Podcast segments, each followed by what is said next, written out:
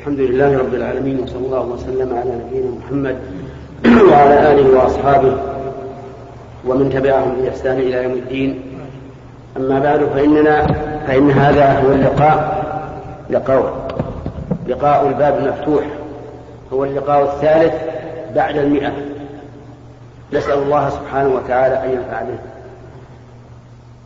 ويقع هذا اللقاء يوم الخميس الحادي عشر من شهر جماد الأولى عام ستة عشر وأربعمائة وألف. نتكلم فيه على قول الله تبارك وتعالى لإيلاف قريش إيلافهم رحلة الشتاء والصيف فليعبدوا رب هذا البيت الذي أطعمهم من جوع وآمنهم من خوف. هذه الآية لها صلة بما قبلها. هذه السورة لها صلة بالسورة التي قبلها.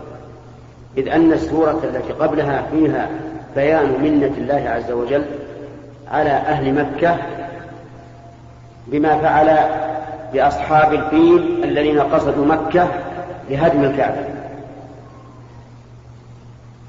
فبين الله في هذه السورة نعمة أخرى كبيرة على أهل مكة على قريش وهو إيلافهم مرتين في السنة. مرة في الصيف ومرة في الشتاء.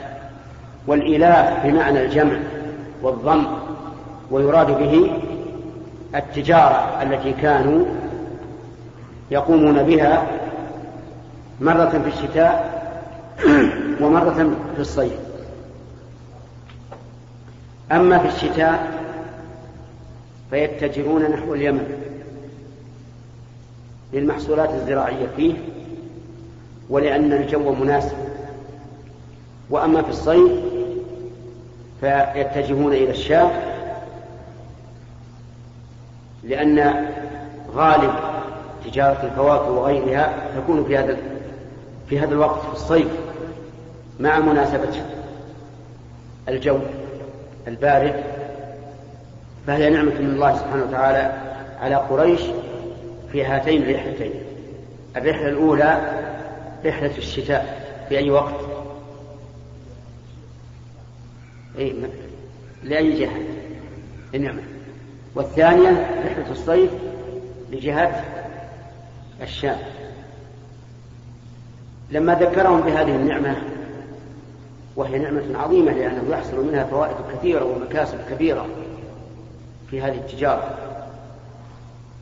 أمرهم عز وجل أن يعبدوا رب البيت عز وجل.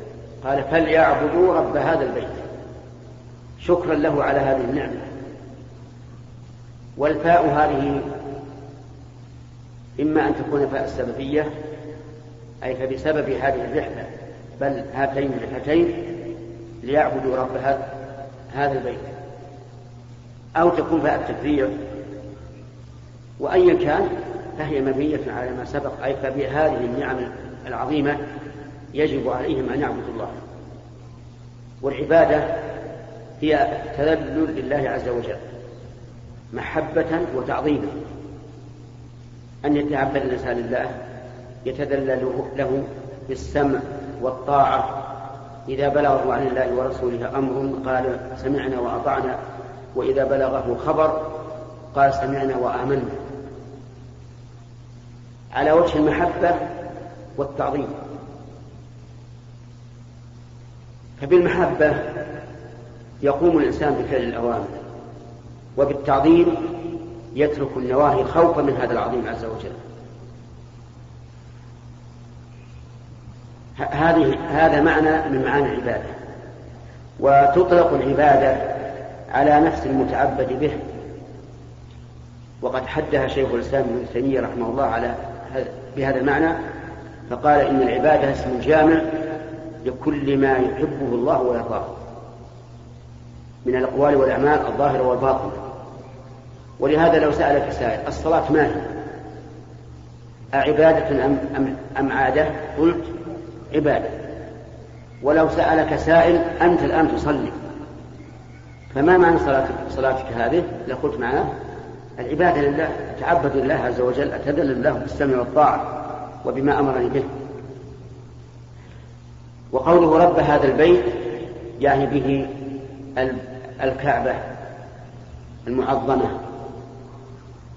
وقد أضافها الله تعالى إلى نفسه في قوله تعالى وطهر بيتي للطائفين والقائمين والركع السجود وهنا أضاف ربوبيته إليه. رب هذا البيت. وهل هو رب لغيره؟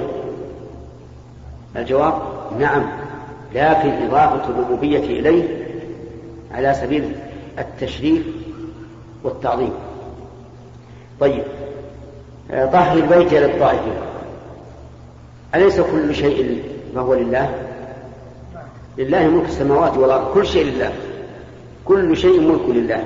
لماذا أضاف الله البيت إليه؟ تشريفا وتعظيما.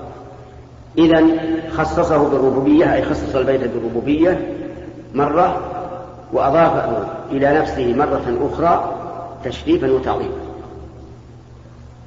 في آية ثانية إنما أمرت أن أعبد رب هذه البلدة الذي حرمها. وبعدها قال إيش؟ وله كل شيء.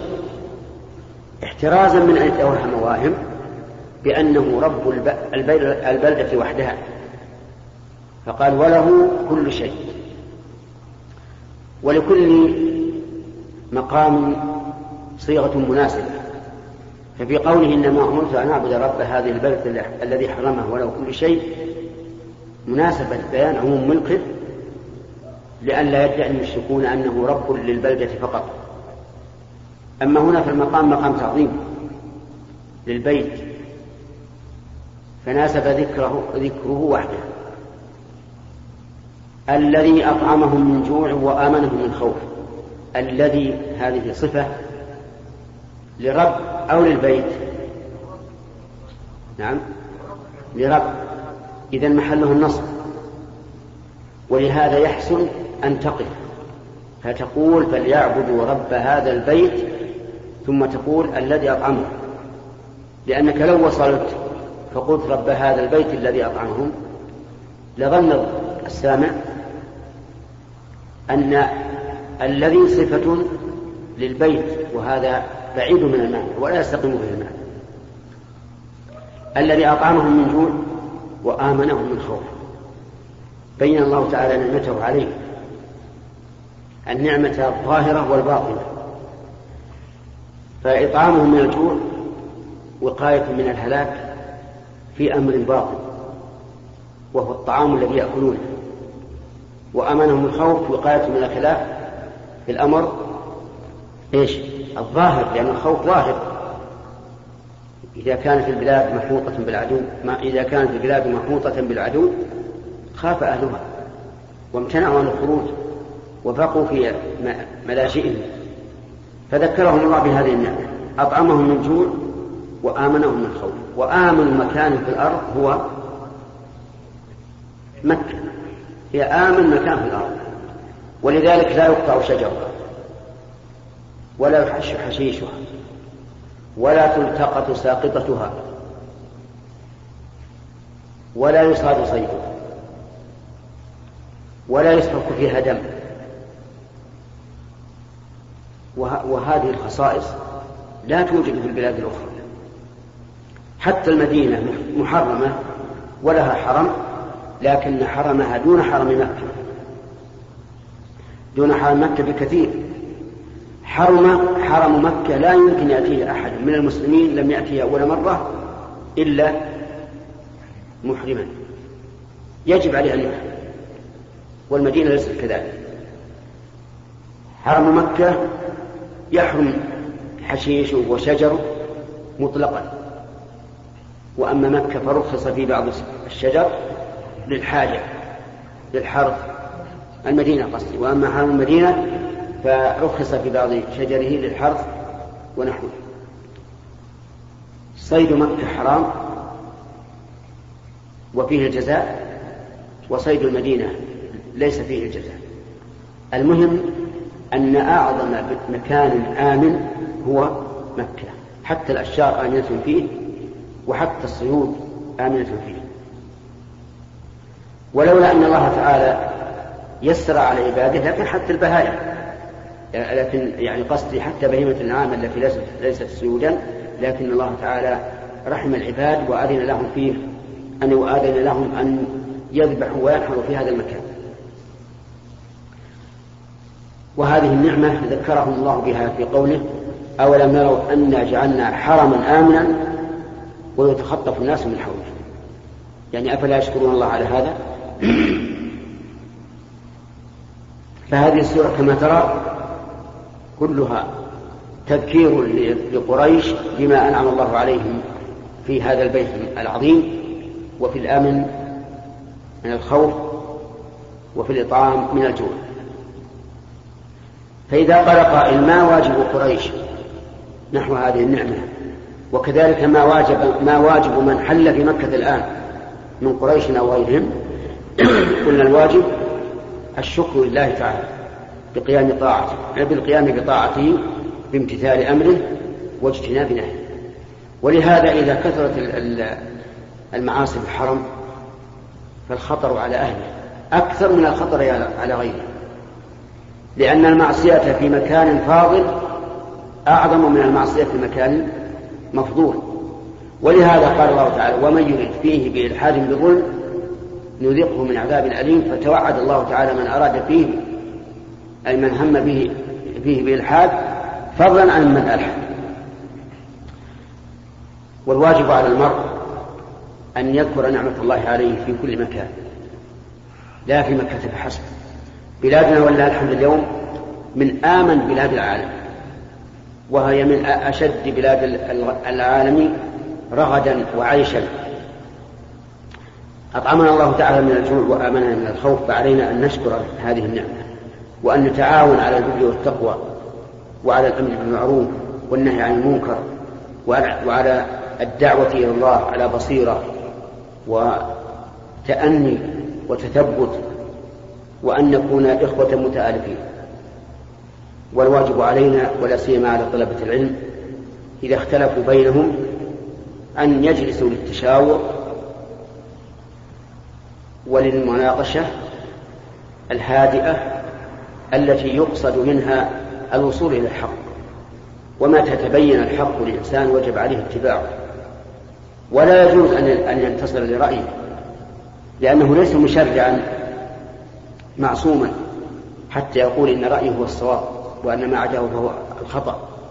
الواجب على الإنسان المؤمن أن يكون كما, كما أراد الله منه وما كان لمؤمن ولا مؤمنة إذا قضى الله ورسوله أمرا أن يكون لهم الخيارة من أمرهم ومن يعص الله ورسوله فقد ضل ضلالا مبينا. أما كون الإنسان ينفصل لرأيه ويصر على ما هو عليه ولو تبين له أنه باطل فهذا خطأ. هذا من دأب المشركين الذين أبوا أن يتبعوا الرسل وقالوا إنا وجدنا آباءنا على أمة وإنا على آثارهم مهتدون. نسأل الله أن يديم علينا وعليكم نعمة الإسلام والأمن في الأوطان وأن يجعلنا إخوة متآلفين على كتاب الله وسنة رسوله صلى الله عليه وعلى آله وسلم. ونبتدئ الآن بالأسئلة مبتدئين باليمين على أن لكل واحد سؤالا واحدا فقط. بسم الله الرحمن الرحيم.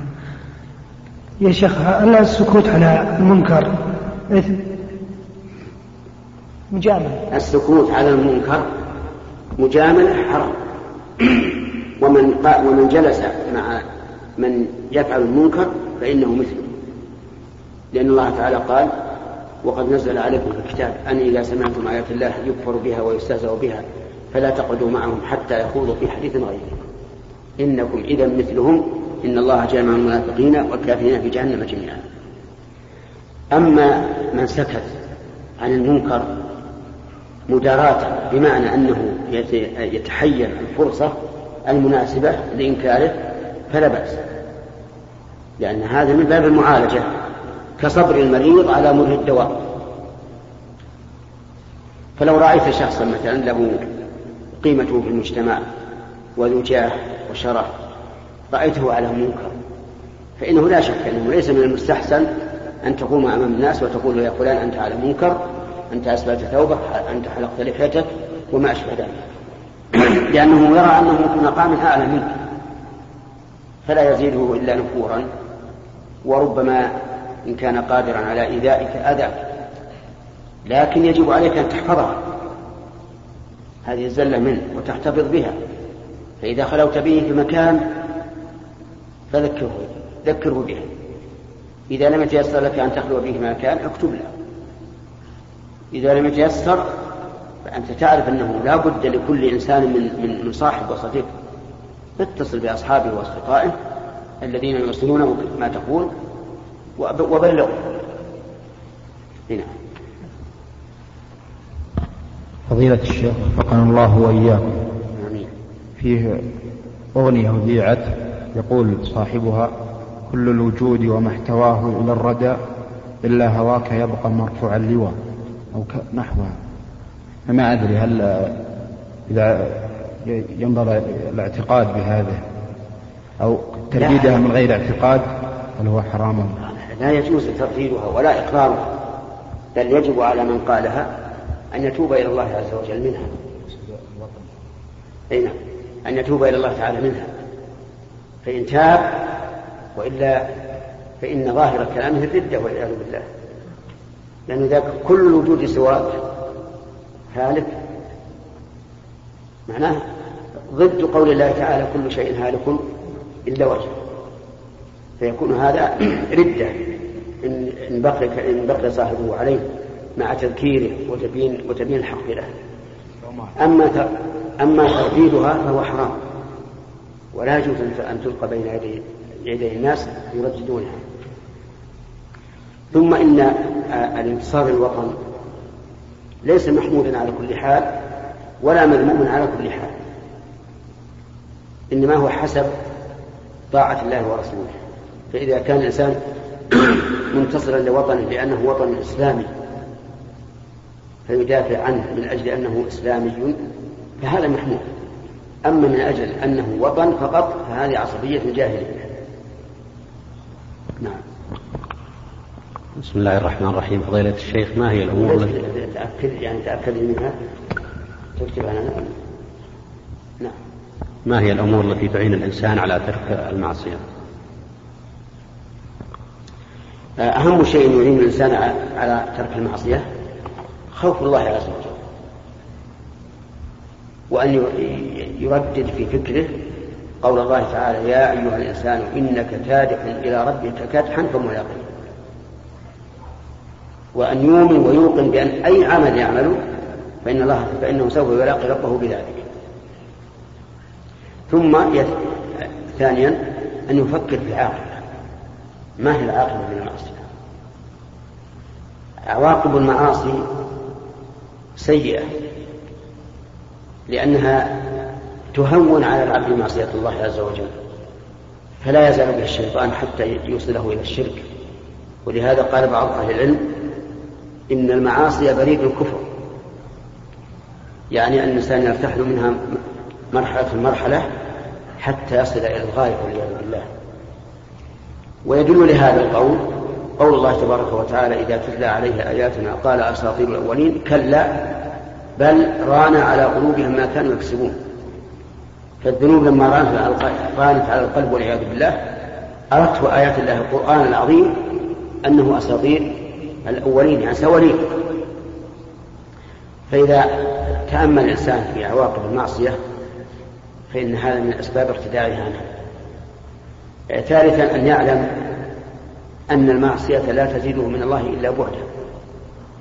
وإذا ابتعد عن الله ابتعد الناس ابتعد الناس عنه. لأن الإنسان إذا ابتعد عن الله والعياذ بالله صار في قلبه وحشة. وصار كأن صفحة أمامه يقرأها الناس بمعايبه ومعاصيه. فتجده قد كتب عليه الذل. فيتأمل مثل هذه الأشياء. وهذا مما يقوي على ترك المعصية. ومن ومن أسباب ذلك أيضا إذا كانت هذه المعصية بسبب معاشرة بعض أهل السوء فليبتعد عنهم وليجانبهم لأن النبي صلى الله عليه وعلى آله وسلم مثل الجليس السوء بنافخ الكير قال إما أن يحذيك وإما أن يحرق ثيابك وإما أن تجد منه رائحة خبيثة. الشيخ جزاك الله خير. يجوز للإنسان أن يقسم ورثته على على الورثة ترك حبته في حياته. يقول هل يجوز للإنسان أن يوزع ماله على ورثته في حياته نقول هذا سفه. سفه في العقل. لأنه إذا وزعه في حياته فهل يعلم أن هؤلاء الذين وزع عليهم هم الذين يبقون بعده؟ أليس من الجائز أن يموتوا قبله؟ نعم. يمكن يموتون قبله فكيف يوزع عليهم ثانيا إذا وزعه عليهم. وكان ممن لا يمكن أن يرجع في, في هبته لهم كالإخوة مثلا. ثم احتاج يوم من الدهر. وحاجته واردة ولا غير واردة؟ أسألك. يعني هل يمكن يحتاج ولا ما يمكن؟ بعد ما وزع الآن ما بقى عنده ولا قرش. يمكن يحتاج ولا لا؟ وإذا احتاج وإذا ادرهم عند غيره؟ فيبقى فقيرا. فلهذا نقول هذا من السفه. انتظر الموت ويا حسن خاتم إما جاءك اليوم يأتيك غدا. يقول لك أنا كبرت خلاص ما مني شيء لا. غلط غلط. الله عز وجل قال ولكم نصف ما ترك أزواجكم. فجعل الشيء بعد تركه. ولا يتركه الإنسان إلا إذا فارقه في الدنيا. إذا فارقه بالموت حينئذ يقسم. وكما قلت لك أولا لا يدري هل هؤلاء يموتون قبله أو يموت قبله. وثانيا لا يدري ربما تحتاج في المستقبل هذا الكبير لو أصيب بالمرض يحتاج إلى آلاف الدراهم. منين أبدا إن كانت